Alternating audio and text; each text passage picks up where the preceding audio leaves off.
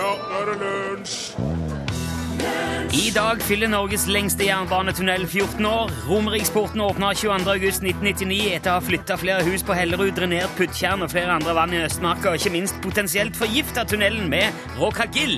Men det er slike ting som hender. Rockin' all over the world, og der uh, hørte du selvfølgelig Status Quo. Ja, som spilte og sang. Stemmer.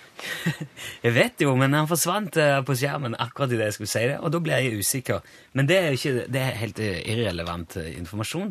Velkommen til lunsj, det er mye viktigere å si. Torfinn Borchhus hørte du her i stad, han er produsenten vår. Ja, god dag, ja. Og Torbjørn Bjerkan er teknikeren vår i dag. Hei, God Torbjørn. dag. Hei, hei. hei. Mitt navn er Rune Nilsson, og jeg tenkte starte i dag med å gratulere oss alle sammen. Deg, Torfinn Takk. og Torbjørn og alle som hører på. Gratulerer. Med hva da? For hvis du hører dette, er du sannsynligvis blant de aller best stilte menneskene i hele verden. Å ja, den, ja. Ja. Nei, ja, nei, ja, jeg vet jeg har sagt det før, at vi bor i en lottogevinst, men eh, det kan jo ikke sies for ofte. Den dagen du glemmer hvor bra du har det, da risikerer du å bli en bortskjemt, sur og sutrete kjiping, og det er jo ikke noe hyggelig. Nei. Nei. Og eh, det sies jo det at eh, hvis du har mat i kjøleskapet, klær å ha på deg og tak over hodet og ei seng å sove i, så er du bedre stilt enn 75% av verdens befolkning. Ja. Og så sies det òg at hvis du i tillegg har penger i banken og litt i lommeboka og litt småpenger til overs, så er du blant de rikeste 8% i verden. Og akkurat det der viser igjen på en del ganske fiffige måter. For eksempel på hittegodskontoret.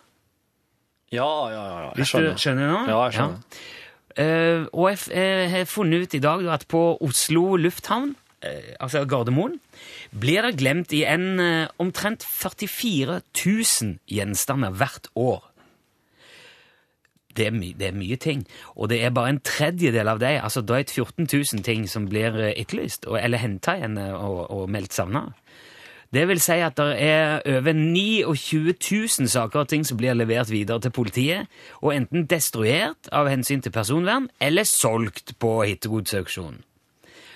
Og det er jo heller da ikke måte på hvor folk går fra eh, på flyet eller på flyplassen heller. Er, de har funnet glassøye, de har funnet beinprotese, en bryllupskjole har blitt liggende igjen eh, fra en reisende. Den bruker du gjerne bare én gang, da. Ja, en pose med diamanter har det dukket opp en gang, og en pose med løk. Oi. Det, det, jeg kan jo skjønne hvis ikke man kommer og sier du, jeg glemte løken min eh, når jeg dro eh, det, går, det er jo eh, Det er ingen som liker Man behøver ikke være blant de 8% rikeste i verden for å ha råd til å skaffe seg en ny løk, men diamanter vil jeg jo tro var greie å ha, da. Til og med kjæledyr og håndjern har folk lagt fra seg. Altså levende kjæledyr. Papegøye eh, har det blitt funnet. En falk og en frosk og en skilpadde er det har liksom- blitt satt igjen et sted. De tre vanligste tingene å glemme igjen på fly og flyplasser er pass, mobiltelefon og bøker. Og jeg tenker jo det at dersom man kommer fram til reisemålet sitt, kanskje etter en lang og litt sånn strabasiøs tur, litt sliten, og så kommer man kanskje ut, setter seg i en taxi for å komme seg hjem, og plutselig finner ut at mobilen eller papegøyen er forsvunnet.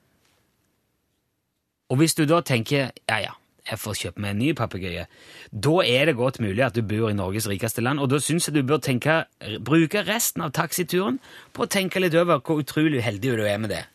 Derfor, gratulerer. Takk.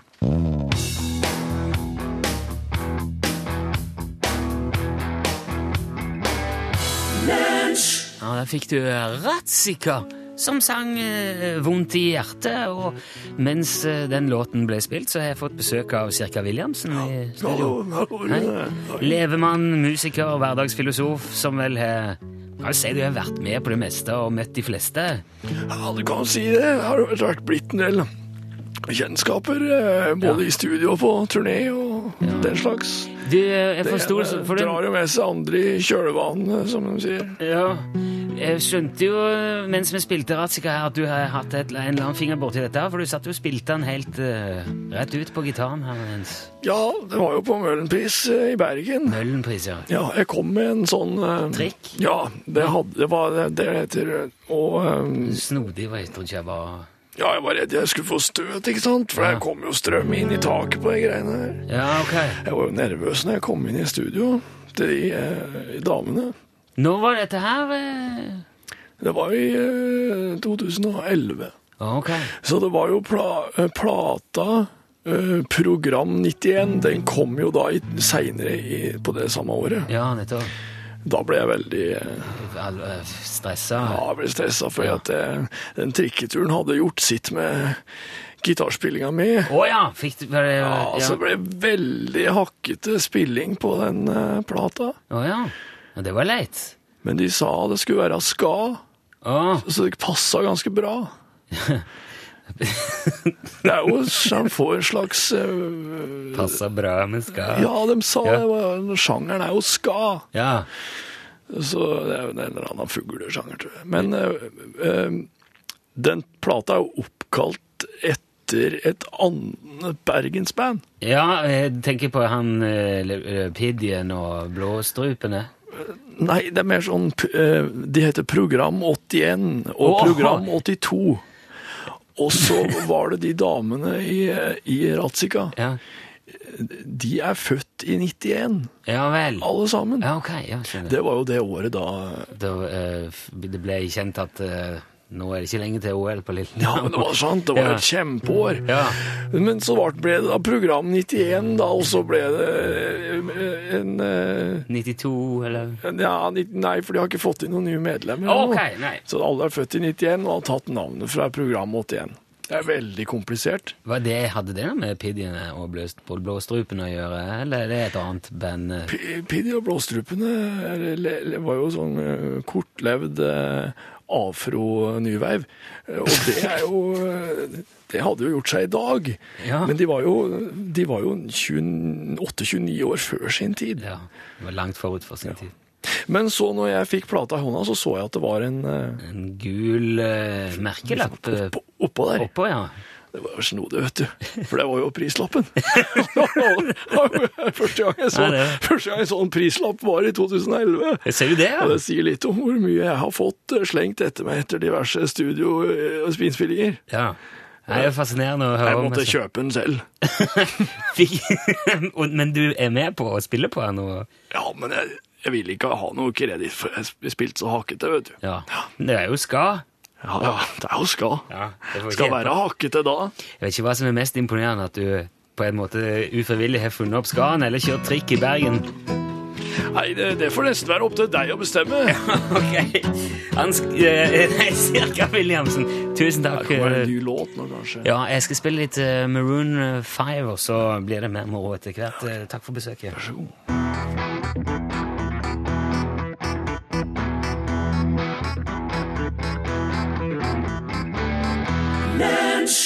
Der, vet du hva, One More Night, Maroon 5, Lunch, NRK P1, hello, listen to the radio. Jeg har forstått det at eh, i mitt fravær, altså før sommeren, når du og Are Sendosen var her og holdt fortet mens jeg spilte inn TV-program, så drev dere quizer på torsdager. Ja, da hadde Are sånn plantequiz. Det var squash-quiz, og det var tomatquiz. Squash, squish. Squash-quiz, ja, det ble det bare for ordlyden var så bra. Chili-quiz. Ja. Altså, Are hadde meg ei plante, og så stilte han mange forskjellige spørsmål i forskjellige kategorier.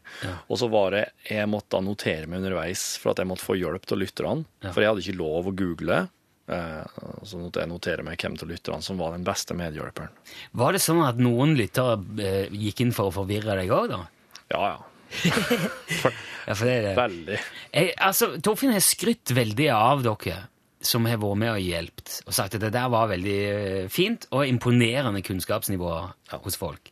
Og jeg synes, eh, jeg har veldig lyst til å teste ut det der, og jeg har Ja. lyst til å se og både sette deg og våre lyttere på en prøve. Ja.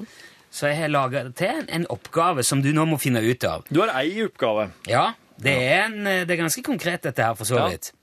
Du, får, du kan jo få hjelp av lytteren, men du får ikke google eller Yahoo eller Nei. noen ting sånn. Du får Nei. ikke ringe Adam. Ingen sånne ting. Nei. Um, blant de som hjelper deg med avgjørende informasjon, så trekker vi noen som får fortjent lønn for strevet. I dag så tenkte jeg faktisk at eh, hvis, du har log hvis du nå har logget så vanskelig som du påstår, så kan hende jeg skal sende en matboks til alle som har rett svar. Ok, ja, men det får vi nå se på. Det er ikke En sikkert. lunsjboks. Ja. Um, men skal vi, skal vi teste dette her, da? Ja. De som vil hjelpe deg underveis, og som har teorier eller tanker om hva det er jeg skal fram til, kan du sende eh, tekstmelding. Det må gå på tekstmelding. Da er det kodebokstaven L først i meldinga di, og så svaret ditt, og et navn. Og så sender du det til 1987. Ja, Det koster én krone, da. Ja. Ok, her eh, følger nå, nå følger oppgaven. Den 28. juni 1869 Å, svarte. La to dampskip ut fra et sted i Storbritannia med kurs for Norge. Oh. Det ene skipet var engelsk, det het La Plata. Det andre var norsk og het Christiania. Aha. De tok da det som sannsynligvis er den korteste veien mellom de britiske øyer og Norge. Og det var litt vesentlig. Aha. Veldig, veldig kort uh, vei. Hva de la ut ifra? Ifra Storbritannia. Å ja, i, så men Nå skal vi høre ferdig, da, før du begynner å kreve et krav. Krav! Nå. De hadde helt spesielt oppdrag, de der to båtene, og de skulle opprette et særdeles sterkt bånd mellom de to eh, havnene. Som de, eh, altså den havnen de la ut fra, og den de kom til. En i Storbritannia, en i Norge. Du må finne ut hvilken havn de seilte fra, hvor de skulle, og hva oppdraget var. Altså hvorfor et bånd det var de knytta. Det er oppgaven. Ja, det er det. Og jeg kan røpe at det var stor ståhei og festivitas da, kom til, da de to skipene kom til Norge. De brukte tre dager. Stor og viktig begivenhet. Men du, jeg skal altså ha to havner, Ja. ei engelsk og ei norsk, og jeg skal ha et oppdrag. Ja, ja, men oppdraget var jo å, opprette kontakt mellom dem to. Ja, men det var ikke en hvilken som helst slags kontakt. Det var ikke, den forbindelsen var ikke noe Så den forbindelsen er er i formen til et eller eh, annet. Det okay. er en veldig sånn helt spesifikk type Er det en fysisk gjenstand her? Om det er en fysisk gjenstand Det er jo to båter og eh, Ja, men eh, ja. Jo, men altså, Var altså, det noe som skulle fraktes? Kanskje det var fraktes? Kanskje det var Ja. Ja. OK, OK. Nei, men hvis, hvis jeg begynner å gå liksom, i, i detalj, så plutselig så er jeg jo røpt alt sammen. Men da kan det hende at jeg kan s- jeg kan, det- Nå skal jeg av- sjekke litt hva folk svarer her, hvis det er noen som har noe peiling. Litt sånn, det, litt av kjernen av dette her er jo at eh, av, av det som eventuelt måtte eh, Unnskyld. Det som eventuelt måtte komme av hjelp, Ja. må jo Torfinn her sortere ut Ja, ja, og trekke logiske slutninger. Mm. Og til slutt må han presentere et svar for Ja. programlederen, i dette tilfellet undertegnet. Ja. Og så må du på et tidspunkt si 'jeg tror det er Ja. der', og så Ja. sier jeg rett eller galt. Men du, da, vi, dette her har så klart ikke jeg peiling på, sjøl om jeg mistenker at Egersund er den norske havna her, siden det er Rune Nilsson som stiller spørsmålet. Jeg kan, ikke, jeg kan ikke si noen ting om det nå, før du legger fram et endelig svar. Men hvis du veit hva disse to dampskipene som la ut på 1860-tallet en gang, eh, kom fra, hvem Ja, skulle hen, og hva oppdraget var Jeg vet det. Kodebokstaven er L, eh, nummeret er 1987, og det koster ei krone. Vær snill og hjelp meg. Snill og hjelp meg. Ok, Kate Havnevik nå.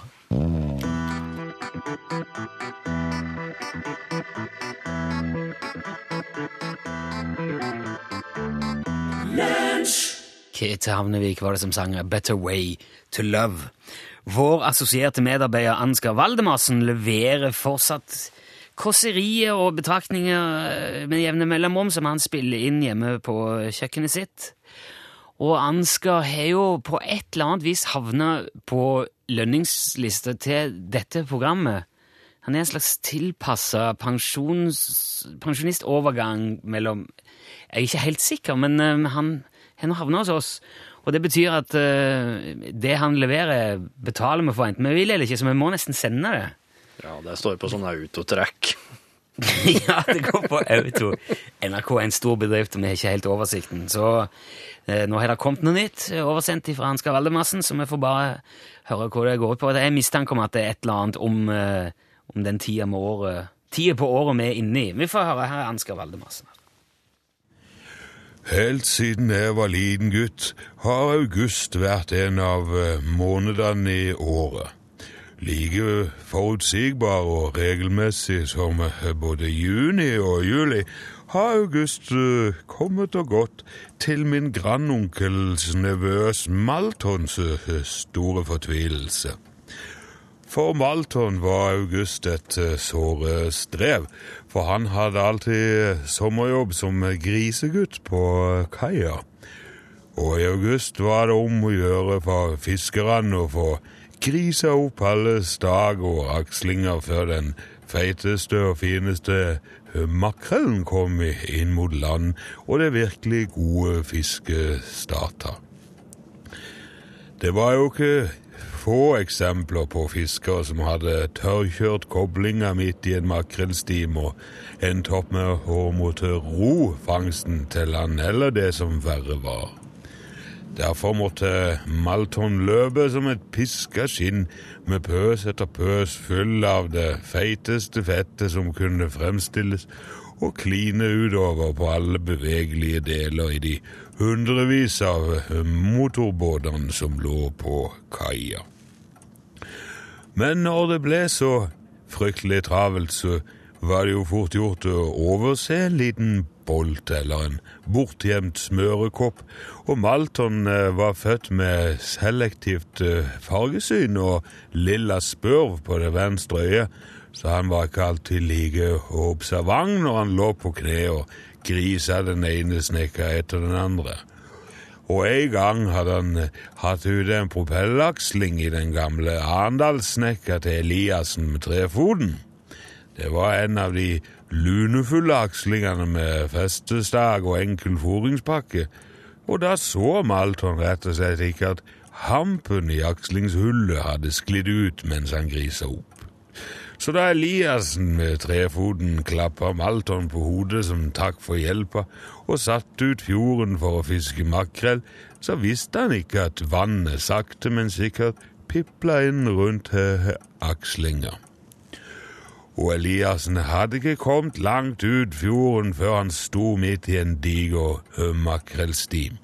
Havet kokte rundt snekka, så det var bare for den drevne gamle fiskeren med trefoten å forsyne seg. Og snart lå båten så lavt i vannet av all fisken at Eliassen måtte begynne på tilbaketuren. For full maskin stima han inn fjorden med båten full av fisk og havet nesten opp til riba. Ja, det var så folk på brygga snudde seg når han kom inn, så lavt lå båten i vannet. Og akkurat idet han skulle til å klappe til kaia og losse av fangsten, så skjedde det ingen verdens ting, og Eliassen fortøyde akkurat som han pleide. Og han fikk godt betalt for den fine fisken. Men den hampen som skulle ligget rundt akslinga til Eliassen, den hadde fulgt med i grisebøtta til Malton og havna opp på kaia der som Malton drev på. Og da Malton skulle løpe bort og se på den imponerende fangsten som Eliassen med trefoten hadde halt opp, så sklei han i hampen og brakk halebeinet tvert av som en kvist. I løpet av natta sank snekka til Eliassen med trefoten, men ingen fant noen gang ut hvorfor. Og siden den gangen har ikke Malton likt August.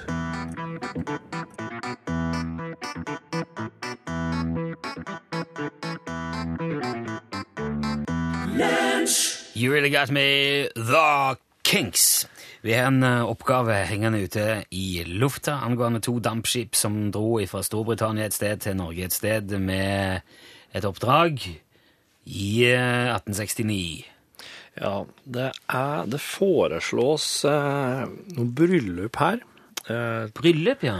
men det står ikke noe mer. Jeg, jeg kan ikke gå videre med det, for da Står kun bryllup. Det står kun bryllup. Så står det altså, i tekstmeldingen der det står bare 'dronning'. Det Ja, Det kan jeg ikke heller godkjenne altså, Nei, som det, svar. men jeg bare, jeg bare lufter litt nå. Det er svaret ikke enda. Ok. Uh, Newcastle til Bergen for å hente juletre, skriver Tore. Når var det på året, sa du? Juni. Fra Southampton til Det kan ha Arendal. vært eh, plast... Nei, det kan ikke godt det heller. Det er kanskje Når begynte de med plastjuletre? Det tror jeg er sånn, Nei, jeg tenkte kan... mer i vårt I førre århundre. jeg tror jeg. Men det var jo ikke noe sånn dumt resonnement. Nei, det var det ikke. Det var, for at Hvis det hadde vært et litt annet tidspunkt, så hadde jeg nok Men er det ikke mer vanlig at juletrærne går andre veien? Nå om dagen, ja. Men jeg tenkte dagen. kanskje før så var det tremangel i Norge. Ja. At de måtte få fra England. Fra Southampton til Arendal med øl mener Arnulf. Jaha. Eh, og ja, altså Southampton eh, Der er jo De, er jo, de leder jo på øl i forhold til Arendal. Nå, ja, nå På På den tida, kanskje, Ja. men nå er det ikke, ikke, ikke Nøgne Ø veldig tett på Arendal, f.eks. for eksempel. Dette her er vel blir nesten reklame, jeg skal ikke si det, men uh, det er jo mange gode Det er jo ja, OK, hva tror du Bare, hell, Jeg bare slutt, du nå. Ja, skal det. Fast fergeforbindelse mellom Newcastle og Stavanger, kan det være det? Eventuelt Bergen? Den ferja har jeg tatt. Ja, pers Stavanger til Newcastle. altså da starta det, kan hende det starta med det. Altså Kristin som foreslår Else skriver at dette her må være typisk være en sånn tur i regi av Nav, at de tok en tredagers i båt. uh, men det, ja, det, men det, er for tidlig. Det het ikke Nav den Nei, gangen. Da var det enten arbeidskontoret eller sosialkontor. Eh, Eventuelt. Det er en som lurer på om det var oppretta forbindelse mellom Liverpool og Egersund for å frakte bananfrø i den hensikt å starte bananplantasje i Egersund. Eh, det at, Vet du noen som har drevet med struts i Egersund? En banan? og- nei, ikke banan, nei. Ikke som jeg vet. De la verdens første fiberoptiske kabel med parafinlampe i hver ende, står det her. Nei. Nei. Jeg har fått en del andre meldinger òg som, eh, som er litt sånn ensarta. Ok, Vil du si at det er overvekt av et svar? Jeg, jeg tror det. Ja. Jeg tror det er. Ok. Jeg skal, men jeg skal, jeg skal gruble litt mer på det. Hvis du eh, vil hjelpe til å hjelpe meg med hva som slags fergeforbindelse Eller hva slags eh, Hva er disse to dampskipene som for ut fra England Ok, en du vil, du vil vente litt til? Ja. ja ok. Da sender du, eh, Hvis du vil hjelpe Torfinn, eh, gi han eh, et, en et bein å stå på, L til eh, 1987, med hvor du tror det er. Nå får du The Lionheads. Her er Exit. Lunsj radiogram 73 88 14 80 Ja, det er Hauge Tore Grimstad som eh, ikke fikk hørt eh, sendinga i dag på direkten, så han satte seg ned på kveldstid og hørte det på radiospilleren. Og de utløste et lite, kall det dikt, til dere. Endelig er lunsj tilbake. Rune og Torfinn må snart på høstens mage finne nye emner å dvele ved, mens vi lyttere smilende følger med. På hvert sitt mål kommer kloke ord som perler på snor, om laust og fast, og helt uten reklamenes last. Gjennom et mangfold av landsens figurer spres alvor og glede over landets furer. Humor er viktig, og dette gjør dere riktig.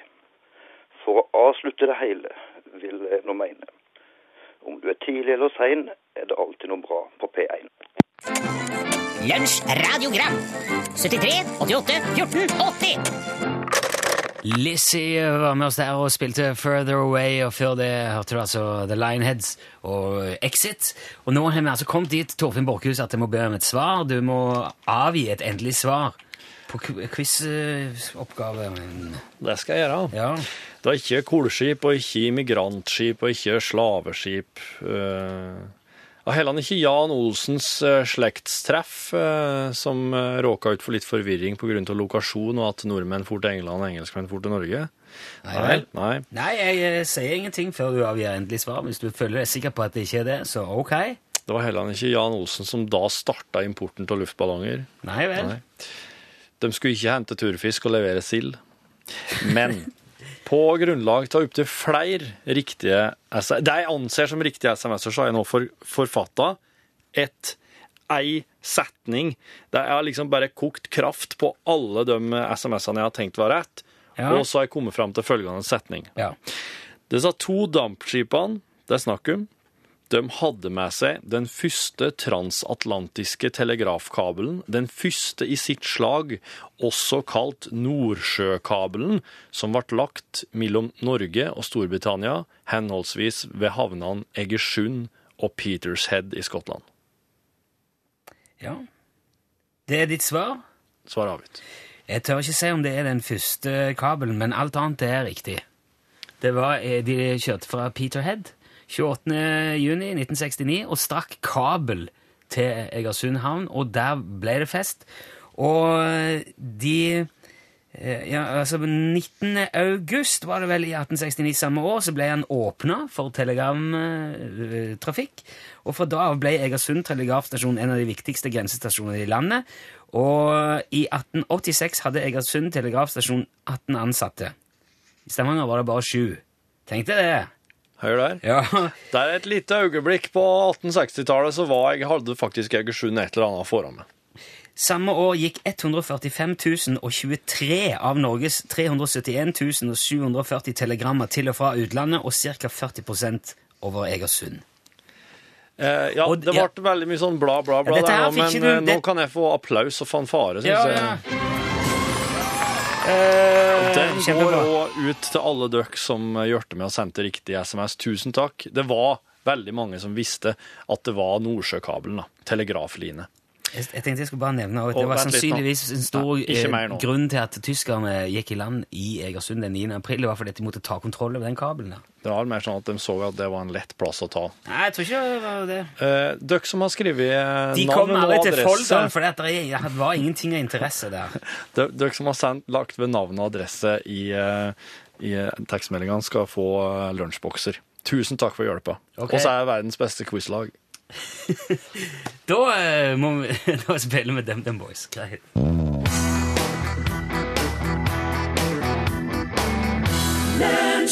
DumDum Boys.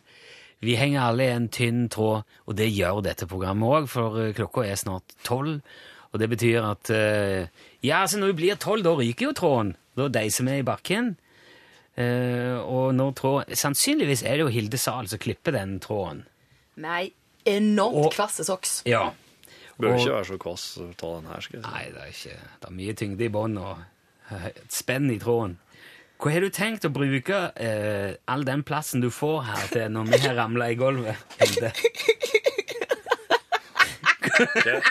Er det noe latteryoga her nå?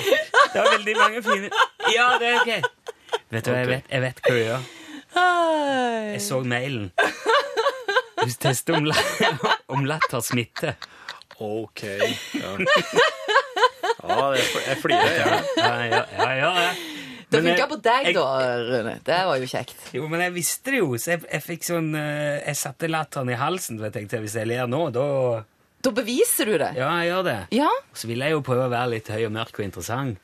ja det er det bare Men Torfinn som du får til her. Folk ler Ja, men folk eh, gjør jo sånn som det der, bare ler eh, Bare klemmer ut latter, og så hvis du holder på med det en stund, så begynner du å le. Ja, og det er enormt fascinerende. Vi prøver jo å finne ut av litt sånn halvveis eh, hvordan dette fungerer da, i Norgesklasse i dag. Hvorfor, hvem og hvordan og hvorfor i all verden. Ja, ja, det skal vi prøve å finne ut av. Og mye annet da, selvfølgelig. Men eh, først må vi slippe til Dagsnytt og lokale nyheter her i NRK P1.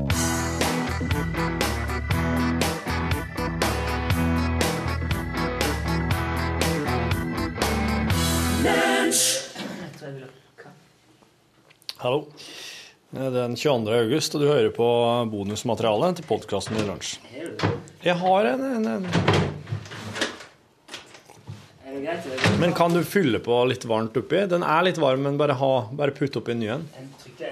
På toppen, ja. Det funker, altså. Ja, det har jeg. Det har jeg. Uh, ja Må jeg først få få adressere Kan si det er litt uh, styremøte først, kanskje. Uh, I alle dager. Jeg sitter her og ser i e-posten min, men så ble det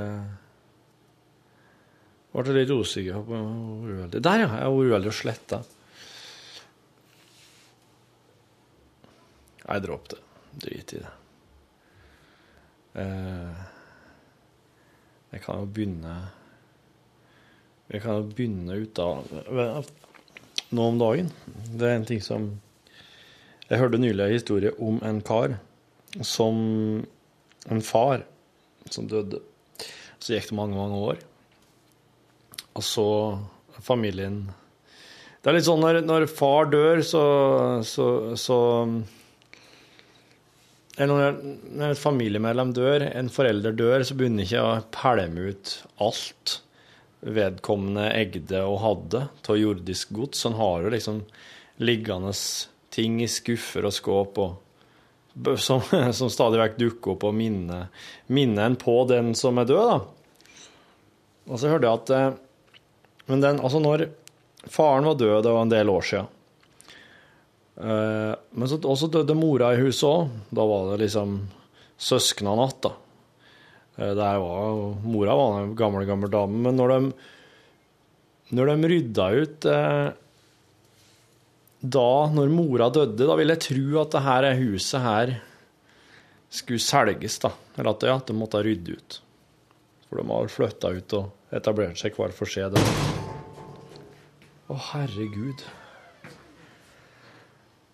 Åh, der gikk det kaldt igjennom meg.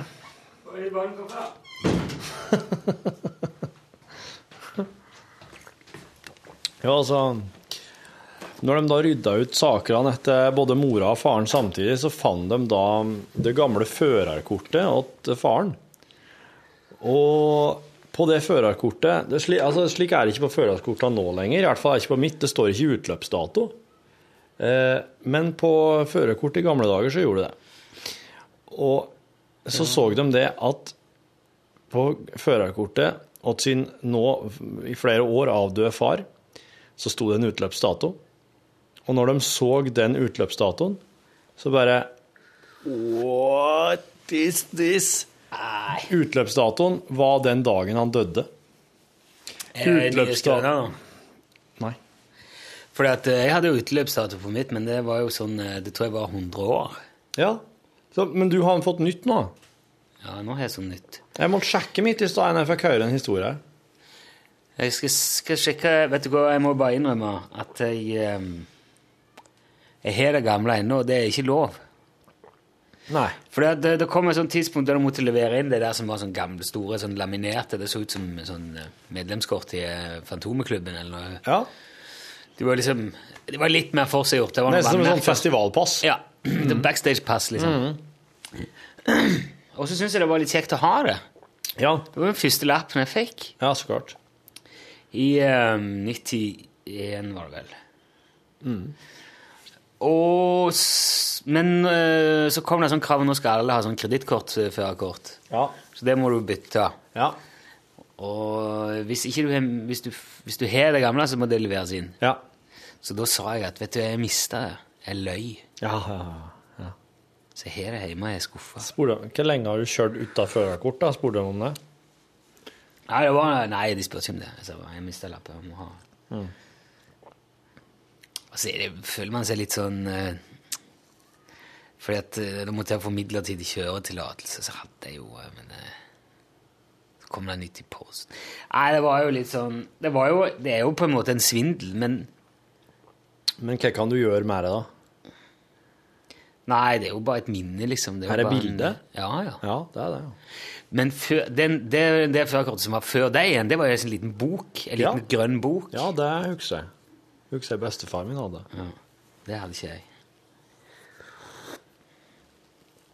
Men så sto utløpsdatoen på, på han, altså, på lappen der. Ja, det var dagen han døde. Det var akkurat som at gubben daua den dagen førerkortet gikk ut. Ja, nå kan ikke kjøre bil lenger. jeg gidder ikke. Nei, da er det bare å legge seg ned. da. Nei, jeg vet da søren. Trekke sitt siste sukk. Nå lurer jeg på om du er ute med La oss ta noen e-poster siden sist, da. Utløpsdatoen er den punkt fire foran, ser du. Den som står blank på. Sikkert.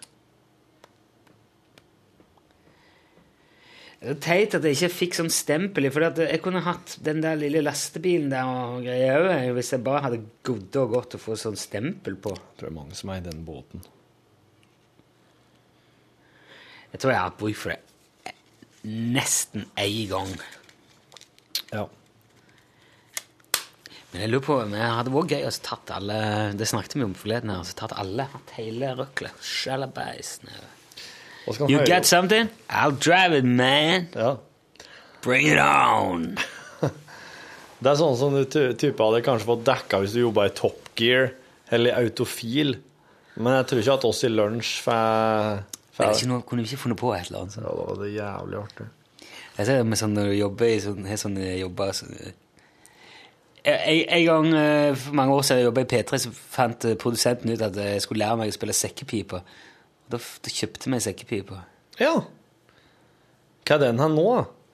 Da vi ga den vekk til Ja. noen til slutt. Ja, det er lurt.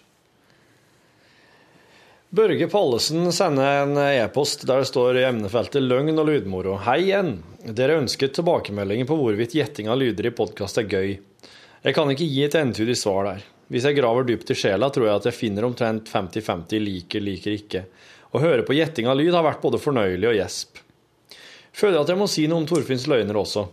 Disse har vært fantastiske, og jeg har ofte humra for meg selv og tenkt at det er, dette er det sikkert noen som går på, helt fram til de to siste. To menn som tilfeldigvis skal samme vei, og to jenter som bytter leilighet. Torfinn, du kan ljuge mye bedre enn dette. Du er jo To menn som skal samme vei. Ja, nei, det er, det er den eh, Det er der jeg ser at etter hvert nå så blir det vel sånn at alt jeg sier er løgn. Men den to som skal samme vei, det har jeg opplevd flere ganger, og det er sånn, en sånn Ja, sosial det der, situasjon. Ja, ja, ja, ja, ja. Så det er ikke på en måte en løgn Det, er, det går egentlig ikke i kategorien løgner sånn, hvis han sånn innholdsmessig i lunsj. For min del. helt, du har nå en helt egen måte å se det der på. da. Ja. Ville andre sett på det som løgn?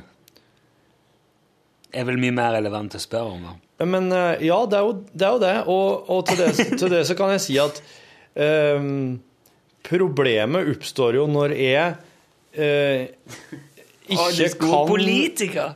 At jeg kan ikke Jeg kan ikke si noen ting fra eller til.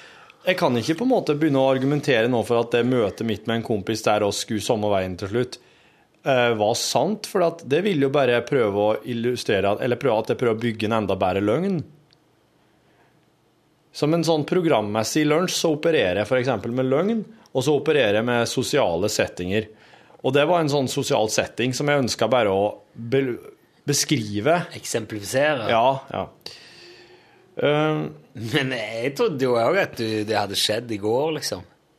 Eller dagen før at jeg traff han her, og så ble dere stående, og så skal dere videre, og så er det samme vei. ja, ja. Nei, det var det ikke.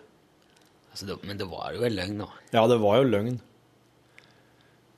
Ok. Men problemet med det er at da er jeg nødt til å vente til situasjonen oppstår før jeg kan fortelle om den på radioen og si med full ryggdekning at det skjedde i går. Slik funker ikke den radiojobbinga her. Nei, men du behøver ikke si at 'i går traff jeg en kar'. Du kan si 'Har du noen gang opplevd at du treffer noen', og så blir du stående og men det, det kommer litt seinere her nå. Ja. Du kan jo ljuge mye bedre enn dette. Du er jo kongen av løgn, men på disse to virket det ikke helt som at sjela var med på leken. Fikk inntrykk av at du ikke trodde på det selv, men bare leste fra manus. Jeg tror det er en idé som Det, også det gjør du ikke, i hvert fall. Det kan jeg bekrefte. tror det er en idé som også kan gi løgnen legitimitet, om løgnen kommer som et apropos til et tema som allerede er oppe i sendingen, og ikke som 'nå skal jeg fortelle en utrolig historie'. Den historien om at du har avslørt en norsk popstjerne som har dobbeltgjenger, har et stort potensial, og kan f.eks. komme som en del av en samtale dere har om at det er store konserter på gang. Stå på! Dere er best. Tusen takk. PS. I en tidligere e-post skrev jeg at podkasten ikke kan bli for lange. Fikk med meg at setningen skapte forvirring. Intensjonen var iallfall å meddele at lange podkaster er positivt. Og det er gjerne de gangene hvor Rune føler at nå har vi kasta bort tiden til disse folka lenge nok, at podkasten har vært hyggelig og hverdagslig selskap. Dere trenger ikke alltid å være superunderholdende hysterisk moro med podkast. Av og til er det kjekt å bare ha noe å lytte til mens man vasker badet. PS. Ah, det er en fin tanke. Eller ligge på et sykehus i Thailand. Eller vaske et sykehus i Thailand rundt. Rundvask før jul. Én person for seg sjøl. Snakka med min far i går. Han lo godt av stakkars Ståle som hadde mista båten sin. Type humor går nok i arv. Takk for strykemerket, forresten. Det blir nok pikéskjorte, eller hva det heter, med UTS-logo til far til jul i år, tenker jeg. Oi, det er artig julegave, Gjevert. Børge. Tusen takk for e-post. eh, eh, Ikke Bjørge, men Børge. Ja. Jeg sa Børge. Jeg kjenner en som heter Bjørge, så- så det er fort gjort. Da. Det er flere, flere av begge deler, faktisk. Nei, men, men Det var veldig godt innspill med, med det der eh, Altså flette inn eh, Sånn som den dobbeltgjengergreia, eksempel. Ja. At det, Nå tenker jeg på det litt sånn i flere trinn med Ja. Mm. Den, den flere trinn, altså det, den drømmen, drømmen min om ei perfekt sending, det handler jo om at alle tingene følger naturlig etter hverandre, og at de er li, det er litt Det forskjellig litt innhold, men det henger litt Ja. i hop.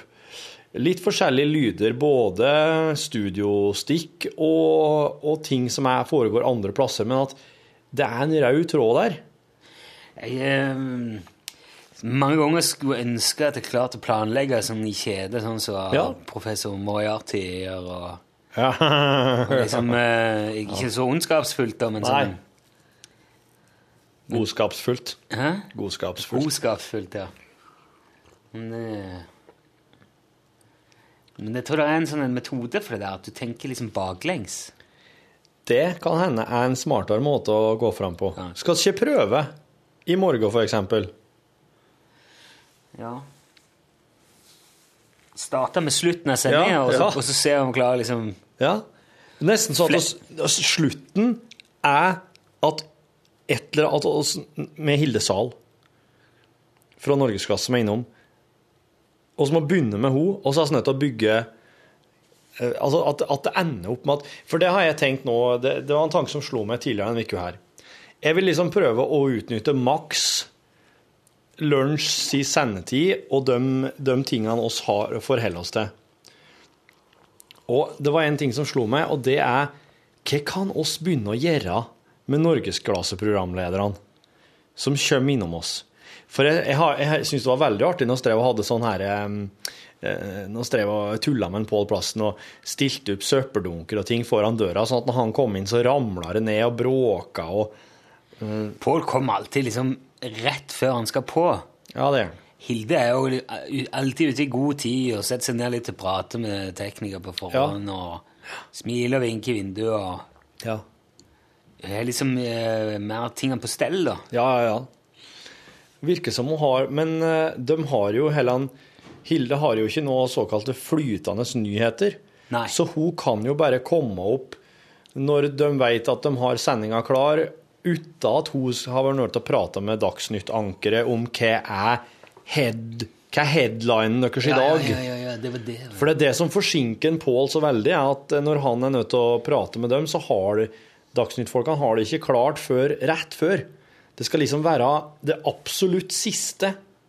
Og så kan de si at greit, det går oss på med, og da må Pål bare skynde seg å skrive det ned på en liten Post-It-lapp med noen kråketau og springe opp til oss. For det er ikke samme studio, eller ikke ved sida av han engang.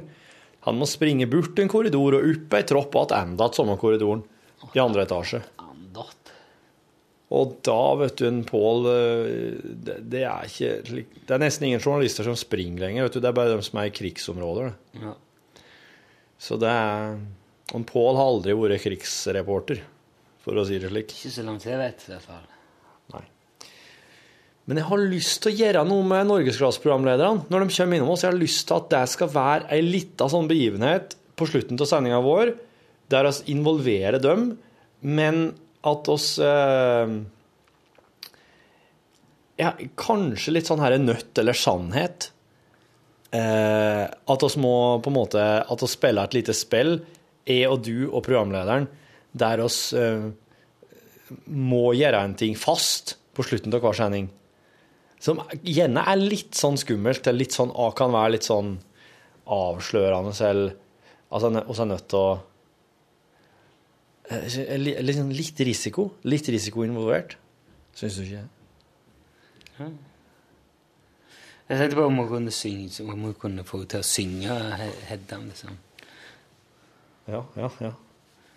Eller rappe det. ja. At oss har beatbox og gitar og synt og sånn klart. En beat!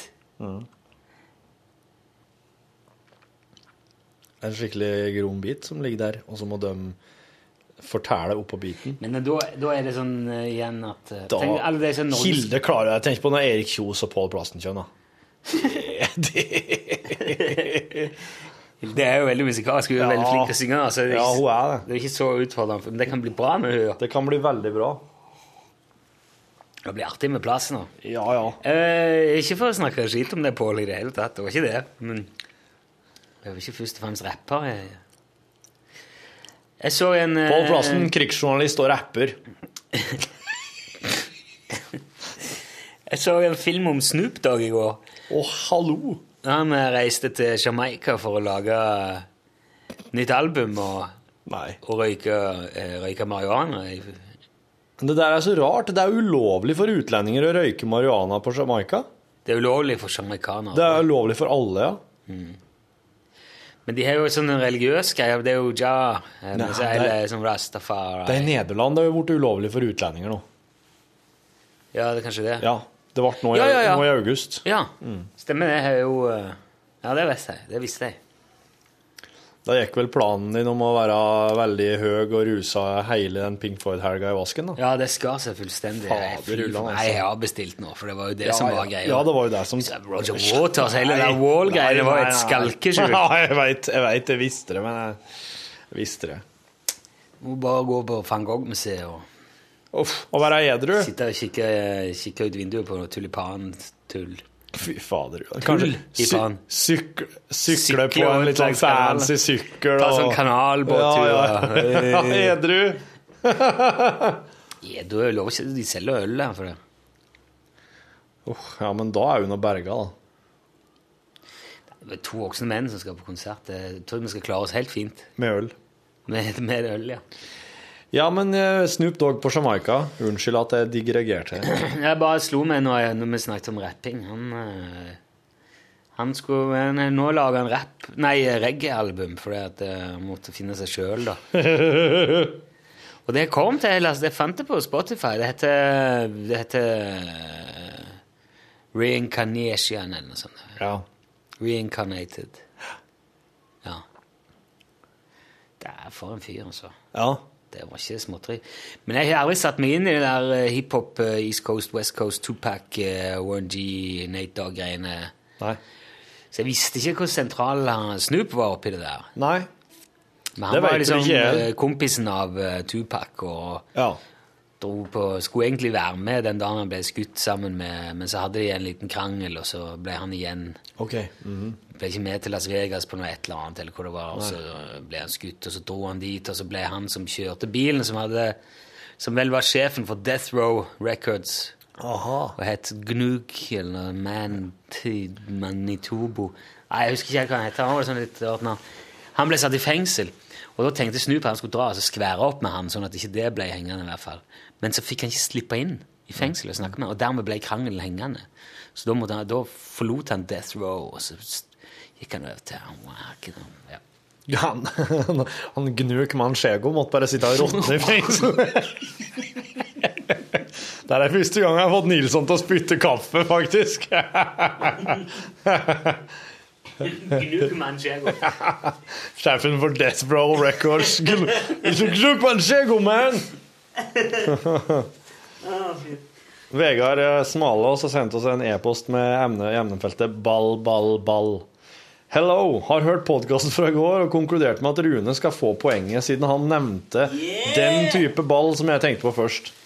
Har tatt bilde av ballen som ble brukt. Dere har selvfølgelig lov til å komme med innspill, og jeg kommer til å høre på hva dere har å si, men det blir som jeg skriver. Poenget går til Rune. Det er Da greit. har jeg greit. 1,25, og du har ett poeng. Ja. Jeg har funnet ut at konkurransen er førstemann til fem poeng. Har allerede bestilt premier, men er nok ikke hos meg før om ca. en uke. Så konkurransen må holde på frem til da. Wow. Okay. I dag kommer det ingen lyd. Jeg må ha til det Ikke kommer det ingen lyd, siden jeg må ha dere til å besvare et spørsmål som gnir seg på innsiden av hodebunnen min. Hvordan måles radiolyttere? Sitter det noen og ser hvor mange som har på radioen akkurat nå, Ja. når et program starter? Eller hvor mye volum de har på? Hvis jeg f.eks. slår på radioen 11.06, vil jeg da være for sent til å bli med i målingen. Og om jeg har latt radioen stå på over natten på P3, betyr dette at noen tror jeg liker slik satanistmusikk som blir spilt der mellom to og fire? Håper dere kan gi meg et godt utfyllende svar. Ta gjerne med ølekspert og EDB-frelst ekspertise om nødvendig. Med vennlig hilsen ballansvarlig Vegard Smalås. Ja, Vegard, eh, vil du ha den eh, kjedelige og uh, ryddige forklaringer, eller vil du ha den litt mer interessante? Det er jo en eh, Det er jo feer. Små feer og alver som flyr rundt. Sitter på øret ditt, og så gjør de seg usynlige rett før de lander. Og så har de samband. Sender de små telegram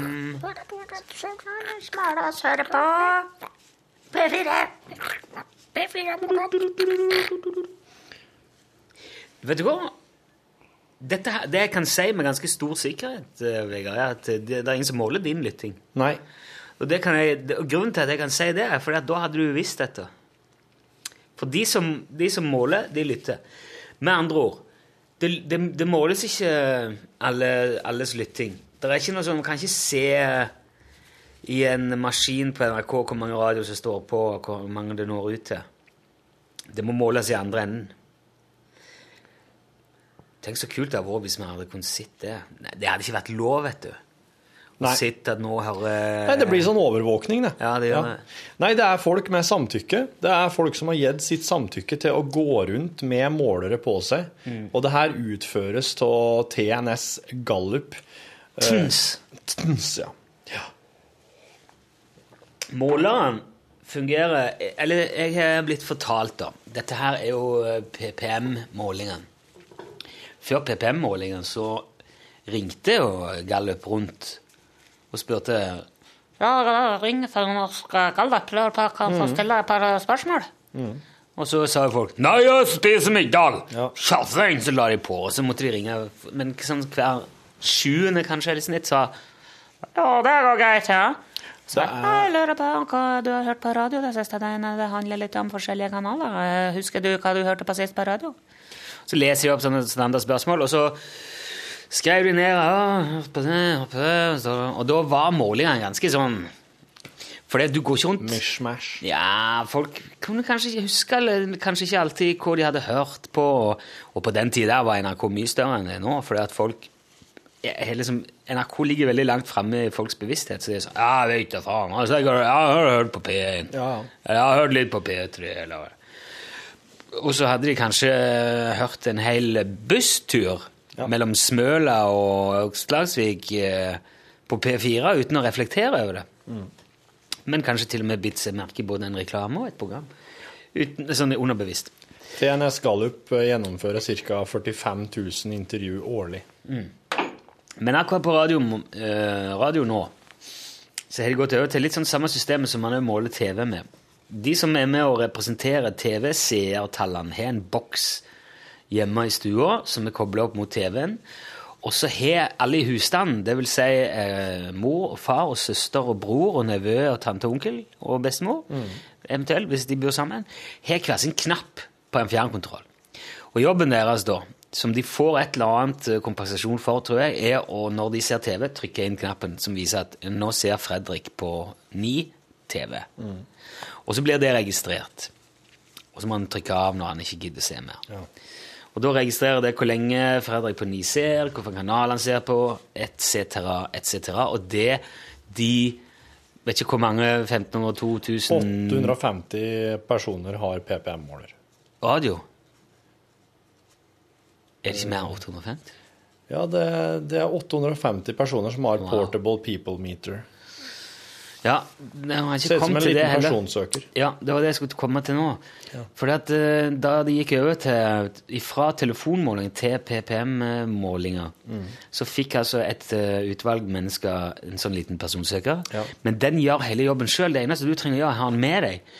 Fordi at i ethvert radiosignal, i, av i hvert fall de etablerte eller litt sånn større radiokanalene i Norge, så ligger det òg parallelt med lyden et signal som den PPM-måleren tar opp. Som øret ikke hører. Du kan ikke høre det, nei. Men det ligger der som ei slags hundefløyte. Med informasjon om eh, hva det er du hører på. Ja. Og Kanal den måler hvor lenge du gjør det. Så de som har sånn en PPM nå er forfølgelsen, Jeg tror vi har fått snakket om dette før i podkasten, men i alle fall, hvis du har en sånn en på deg, så måler den all radiolytting. Hvis du går inn på 7-Eleven, og de spiller P3 der mens du handler kaffe, så blir det registrert. Så nå er de mye mer nøyaktige, og det betyr at NRK er ikke så store som de en gang var, for nå er de reelt. Er. Hver, hver kveld når eh, disse folkene som har sånn Portable People Meter kommer hjem, så setter de PPM-en sin i en liten dockingstasjon, og da sendes eh, resultatene hjem til TNS Gallup. Det gjør jo òg at målingene er veldig sånn Det er altså minutt for minutt, Ja, det er det. Er veldig nøyaktig. Ja. Men det er fort gjort å tenke at det her er sånn det er eh, Det er liksom Det her er bare 850 stykker. Så de, de har nok de har, Det er nok en ganske brei eh, Det sier nok veldig godt noe om hvordan tilstanden er, men det er allikevel ikke nøyaktig. For de 850 så er det jo pinlig nøyaktig, men for Ja. resten av landet så er det jo et Jo, men det er jo, de, der, de folkene der er jo plukka ut fra både alder og utdannelse og kjønn og eh, geografi og ja. Alle tenkelige sånne parametere for å gi det så, så, så fornuftig som mulig Ja. spenn. Ja. Eh, men jeg har hørt noen si en gang at for å kunne lage en representa representativ statistikk av egentlig hva som helst, så trenger du bare Hva var det? 11 eller 14 eller 21 er sånn Veldig lite tall. Personers eh, preferanse. Ja. Og det skal liksom i teorien være grunnlag nok til å lage en statistikk. da. ja. Så 850 Woho, det er langt av gårde, vet du, egentlig. ja. Men det er statistically. Og hvis du ikke visste dette, Vegard, så betyr det at du kan høre på hvor mye satanistmusikk du vil om nettene uten at noen bryr seg. Ja, det er sant. Det er det ingen som får med seg, utenom eventuelle naboer eller Eller alle som hører denne podkasten, da. For nå er jo på en måte vi det. Ja, men det syns jeg var, det var bra å få ut. Ja, så der eh, Nei, enn alt det man eh. Jo, det jeg skulle si, jeg har sett sånne nedbrekk av eh, sendinger og sendinger som jeg har hatt sjøl òg, en gang i eh, Kveldsåpent. For jeg ser jo Jeg tror det var en time, eller om det var et helt program, tre timer sendinger. Det i alle fall det var liksom Jeg kan jo se minutt for minutt Ja. hvordan kurven går, hvor mye når folk skrur av. Ja. Så satt vi der med den og med en kjøreplan, og så ser vi hvor var det folk Men det er litt sånn det er litt sånn farlig å Mm. Ja, bruke som en sånn For det, det behøver ikke være representativt. Da kan ha begynt noe på TV. Det, det er veldig mange sånne ting som slår inn. Så du kan ikke være helt trygg på at det er bare innholdet som dikterer. Nei. Og du kan ikke, si, du kan ikke liksom heller til den samme grad si at det må ha vært veldig interessant, for der økte det veldig. Nei, det er vanskelig å si det. For da hadde ikke altså, Hvordan, hvordan visste folk at de skulle slå på? Er motivene. Det, men det var i hvert fall Det var jo interessant å se. Og du kan jo, kan jo se hvor Spesielt der det er veldig store dypp. Der det går fort ned. Og så der, da, da er det jo sannsynlig at du har snakket med et eller annet som ikke var så veldig interessant. da. Har jo, har eh, har jo et stående tilbud om å gjøre det der på lunsj òg. Gjøre det i løpet av ei uke og, og se hva som skjer. For vår del så er det jo eh, det har, ikke mer, har ikke mer risiko involvert for lunsj sin del, for at oss består kun av musikk og innhold. Og på innhold så er det kun oss to. Og hvis at da, hvis at en da kjører en sånn ting, så ser en f.eks. Eh, jf. tekstmeldingen som kom i dag eh, Jeg prata med gamleonkel Stig i går. Dypp. Eh, Cirka Williamsen i dag. Eh, og, og, men den slags Det, det tror jeg egentlig eh, det kan, være, det kan være et redskap for, å, for, måte, for oss å luke vekk ting som veldig, veldig mange enty, entydig ikke vil ha. Eh, men samtidig så er det sånn at jeg tenker på det at eh, noen må være den Eller jeg, jeg må være den dårlige i, i gjengen her. Sånn at du skinner enda mer. Nei det, de, de. Men hør nå, hvis, hvis du har en restaurant, da, Ja. og så eh, til hver eh, tirsdag og torsdag så har du flesk og duppe på menyen. Ja. Og så viser det seg det at det er mange flere som kjøper biffsnadder og pommes frites med bearnéssaus gjennom hele uka, enn det er som kjøper flesk og duppe. Det er egentlig kan ikke forsvares å kjøpe inn flesk og duppen og alt sammen. Nei. Og ut ifra liksom, den totale omsetningen i restauranten, så, er, så skal det ikke være statistisk grunnlag for å lage flesk og dupp. Det tar for lang tid Ja. og, i det hele tatt. Men det er jo da sannsynligvis kanskje et 50-40-50-60-talls for, eh, Hva for ta et tall, da? ja, det Som setter veldig stor pris på flesk og duppen. Og du får solgt det ut. eh, Det er sjelden du sitter igjen med veldig mye flesk og duppe etter tirsdagen og torsdagen. bra. Så det går, det går ut. Mm, jeg skjønner. Men eh, det er langt ifra det mest populære.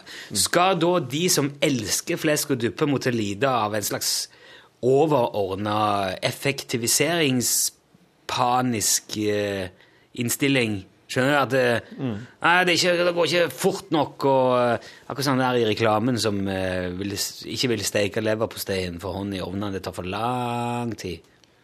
Ja. Han hiver det jo ut. Det har jeg ikke sett. Nei.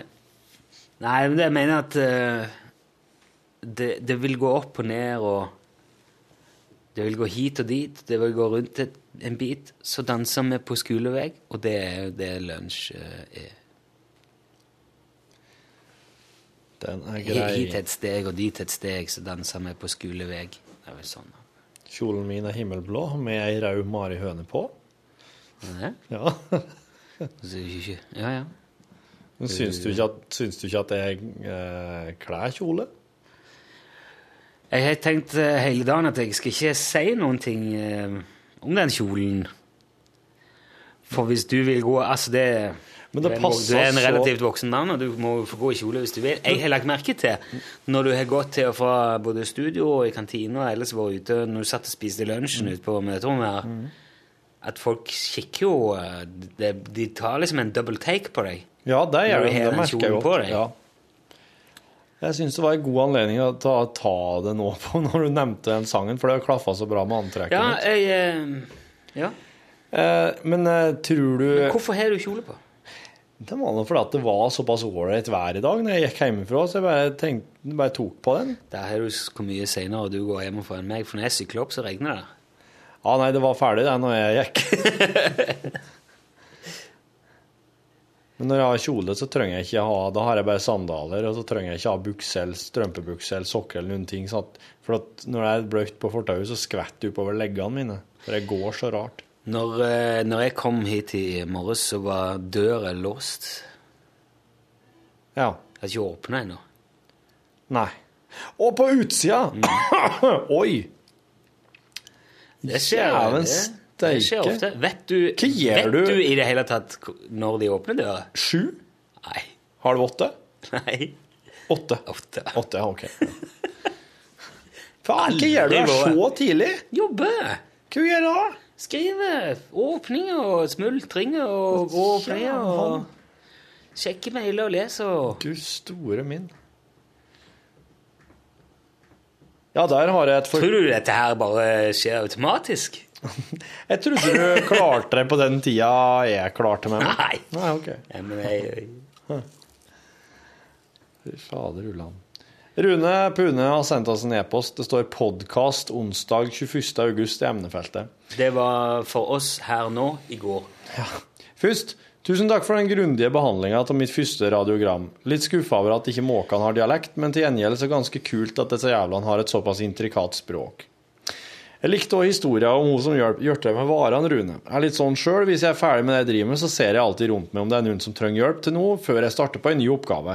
Det er veldig populært på byggeplasser, har jeg funnet ut.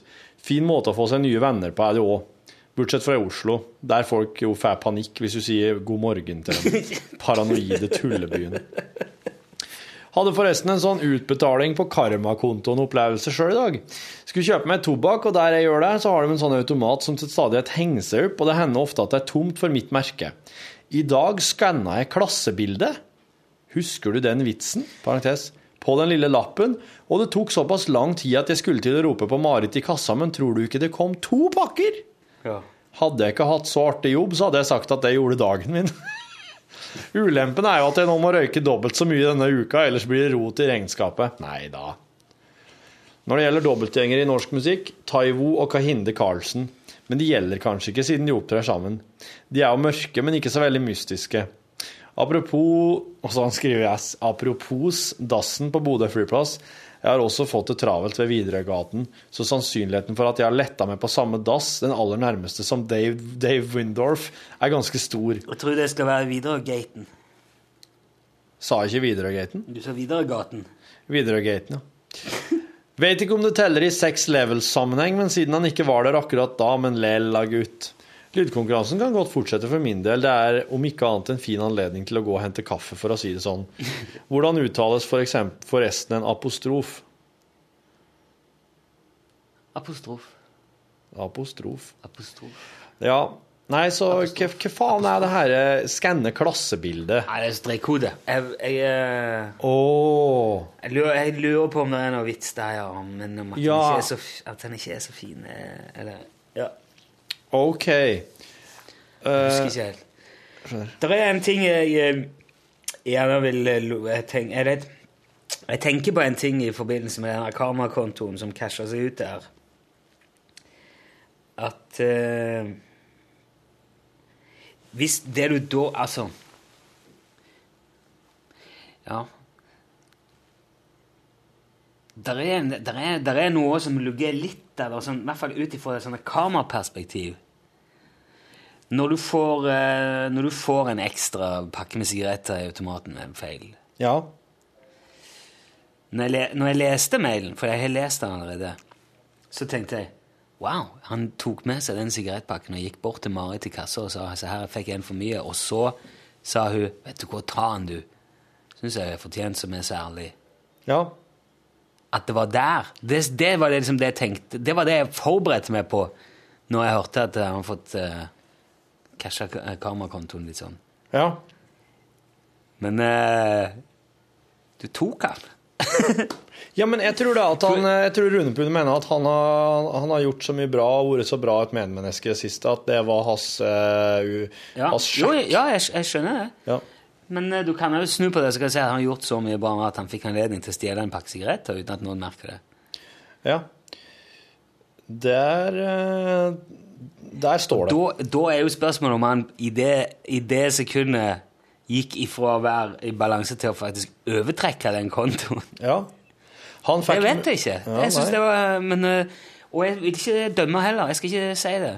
Tror det er veldig mye svinn på de der tingene, og de der dagligvarebutikkene tjener masse penger. Du kan sikkert se på det i et slags Robin Hood-perspektiv, eller et eller annet. Men sånn i rent sånn, i sånn karmateknisk Ja. Så jeg lurer på om det å ha gått til Marit med den ekstra pakken hadde gitt et Da hadde det hadde, det hadde dratt på seg godt med rente, tror jeg. Men Robin Hood-perspektivet ville ha eh, det, Ifølge Robin Hood så ville du ha gjort følgende.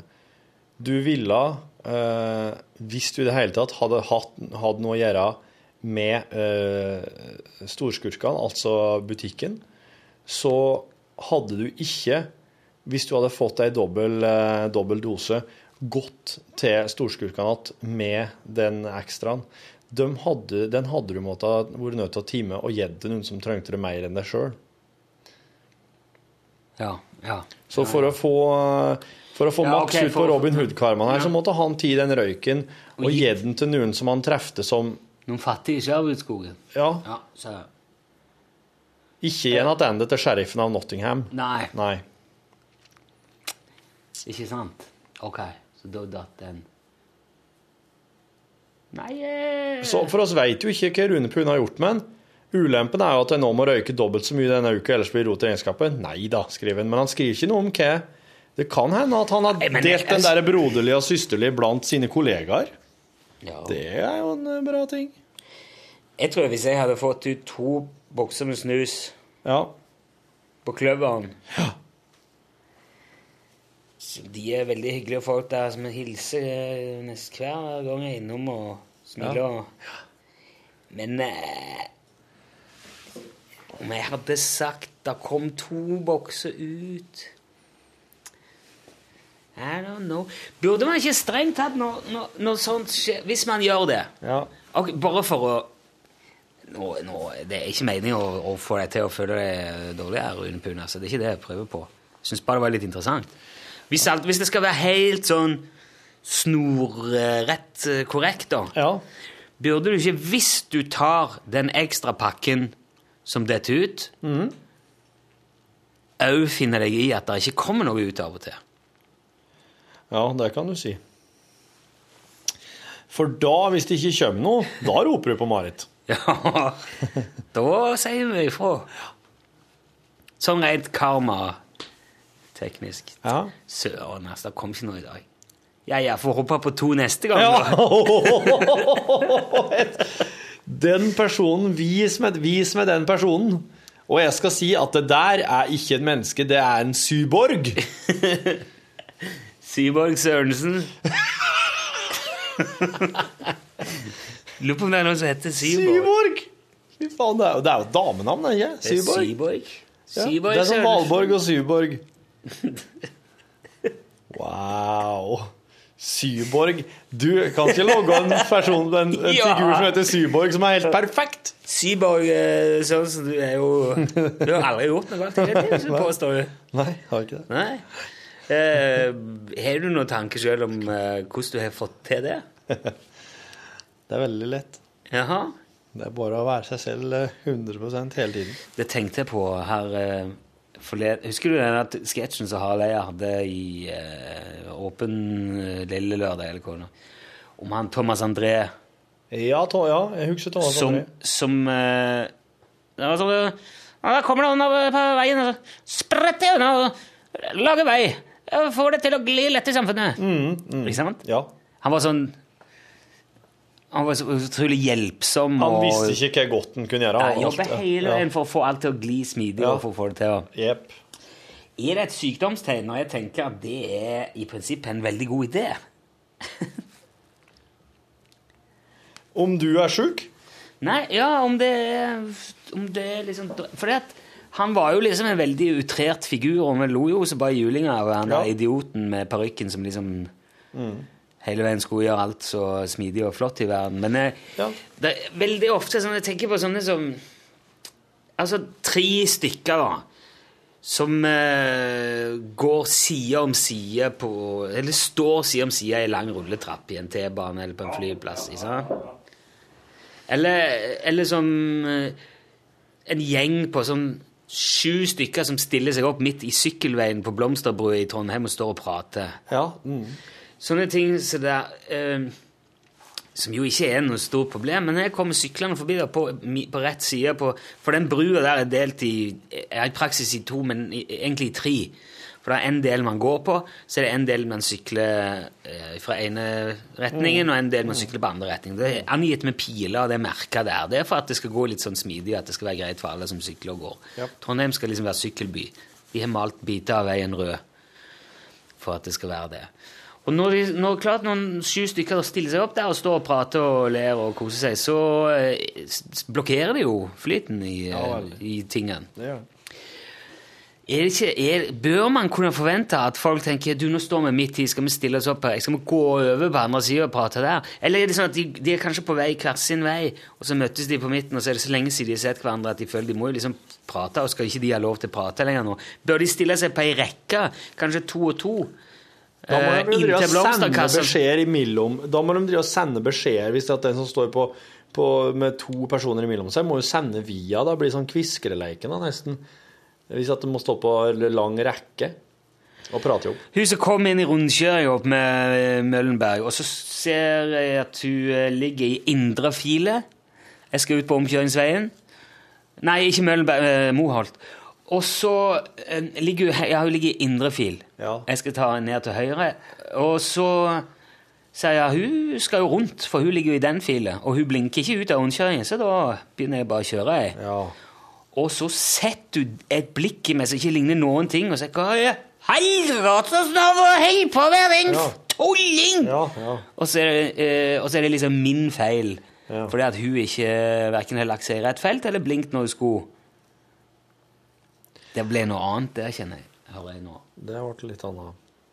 Men der er du igjen det der. Husk, Men- gidder ikke sette seg inn i trafikkreglene, Men flytende ting, Jeg- og lage popper. Jeg er ekstremt opptatt av at jeg ikke skal bli stående i et sånn, eh, sånn flytområde og prate og sperre. Ja. Jeg er veldig opptatt av hvis at jeg treffer noen og oss blir stående, da, da nå må oss, oss må flytte oss vekk herifra. Ja. Hvis at den praten her skal fortsette. For da merker jeg at da begynner folk å ta hensyn og kjøre rundt, og da blir det litt sånn Plutselig så er det tett. Er dette noe som burde vært et eget fag i skolen, kanskje, i grunnskolen? Altså flyt og trivsel? De har jo en mye bedre måte å løse det på. Eller, altså, det virker som de er mye mer indoktrinert med det i Asia. Det må de, for de er så Ja. sinnssykt mange. vet du. Ja, for at problem, det, det er ikke før nå i det siste at det sikkert har begynt å bli et merkbart problem i Norge. Nei. I de store byene. Det blir flere og flere. og Men altså, Fortettingsprinsippet. Men jeg lurer på om dem som står og det, er jo, det er jo til stadighet noen som bare stiller seg midt i en sånn ferdselsåre og prater. Ja. Opp til, opp til flere. Er de sånn at er det en gruppe, er det gruppa som gjør det? Altså, De kommer jo opp som en gruppe, og da tenker de ikke De, de glemmer det. Altså, Gruppepresset har en slik mm, kraft at de rett og slett eh, det instinktet om å flytte seg vekk blir underkua av det at ei stor gruppe har blitt samla? Eller er det sånn at faktisk noen ikke tenker over det? Jeg tror, jeg tror det. Siste. Men Det har vært interessant å prate med noen sånne. Neste gang jeg treffer en sånn klynge som står midt i åra og prater, så hvor det artig sånn Hei, kunne ikke dere tenkt dere å Kunne jeg fått stilt dere noen spørsmål? Ja. Bare spør dem litt sånn Hva, hva Du, tenker ja, dere? du kan jo tenke deg å gjøre det. Jeg kan opp gjøre telefonen. det med telefonen min.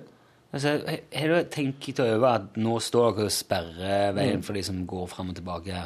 Ja. Tenkte du over det nå når du stilte det?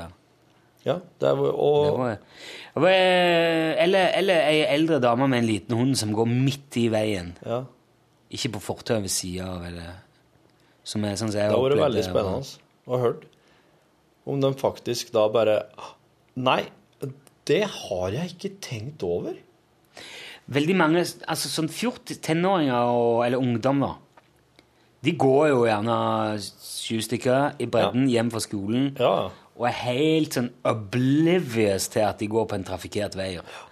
Men de er jo så unge og dumme at det Ja. kan man på en måte til, til et visst stykke på vei tilgi. Ja. Før eller siden, når de selv får ansvar for et kjøretøy, så vil de jo innse de der tingene der. Det pleier jo å gå over.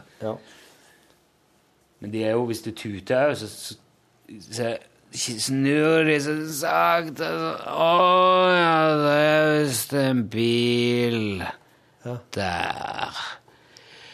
Ja, men eh, Da lurer jeg på om jeg kanskje skal tusle inntil sida av veien her.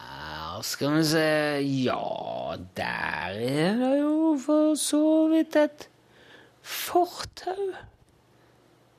Ja, da begynner jeg på å gå dit. Øyeblikk nå. Og mens så sitter du bak i bilen der, ungene skriker og vil ha middag, og huset brenner hjemme, og eh, Hvordan veit, hun det? du ser røyken. Ja. Det, er jo siste bakken Ja, ja, før. Å, fy fader. Ser røyken der. Det er en ting til jeg har lyst til å ta med før vi stopper nå. Ja. Jeg leste et, jeg leste et utrolig bra leserinnlegg i um, Bergens Tidende i morges, OK. som var skrevet av en lærer. Ja. Det er jo valgkamp nå. Vi har ikke sagt det med klartekst ennå, men vi har bestemt oss for å være valgfri sone i lunsj. Ja. Vi kommer ikke til å ta opp noe politikk i programmet i det hele tatt. Vi kommer til å late som om eh, Erna ikke fins. Som om eh, Siv har ligger på sykehuset, og som om Jens har mista taleevnen og mønstra på en båt til Colombia. Eh, men eh, akkurat her har jeg lyst til å bare nevne det likevel, for det har vært veldig har du, lagt- du følger jo sikkert litt med, du òg, på Nei? De, de som har fulgt med litt på valgkampen, har jo merka at skolepolitikk er et stort tema. Og så har det vært mye snakk om at Finland er et sånn sinnssykt bra land eh, skolepolitisk. Der er læreren veldig mye flinkere enn i Norge, eh, og det gir gode resultater. Læreryrket har en helt annen status i Finland. Derfor må vi bli som Finland, for vi har så dårlige lærere i Norge. Vi er nødt til ikke bare få flest mulig lærere, vi må ha bra lærere. Nå har vi mange, men de er dårlige. De må bli bedre. Lærerne i Norge holder ikke mål. De må bli som i Finland. Dette er blitt gjentatt og gjentatt og gjentatt. Det er derfor jeg sier det så mange ganger. For å illustrere, for å illustrere det. Så er det en lærer som skriver at de Tusen takk, politikere. Dere har nå effektivt klart å etablere lærerforakt i Norge. Tusen takk. Nå mener alle at vi er idioter som ikke kan noen ting, og at alle må se til Finland. Hvorfor betyr ikke det at vi har mye dårligere politikere i Norge enn vi har i Finland? Er det ikke det det betyr? Ja, det betyr det. Jo. Så det jeg syns at vi alle sammen skal gjøre nå, er å gå ut og snakke om hvor elendige politikerne er i Norge i forhold til Finland. Og at vi må få politikere som er mer som de finske. For de er, mye flinkere til å gjennomføre ting, og de skaffer bedre folk. Og de har mye mer oversikt over spesielt skolesystemet. Og nå holder ikke den der eh, politikerstanden som vi har i Norge. Vi må stille høyere krav til dem, og de må få mer rom for etterutdanning, for de er elendige. Med det sier vi takk for i dag. Hør flere podkaster på nrk.no podkast.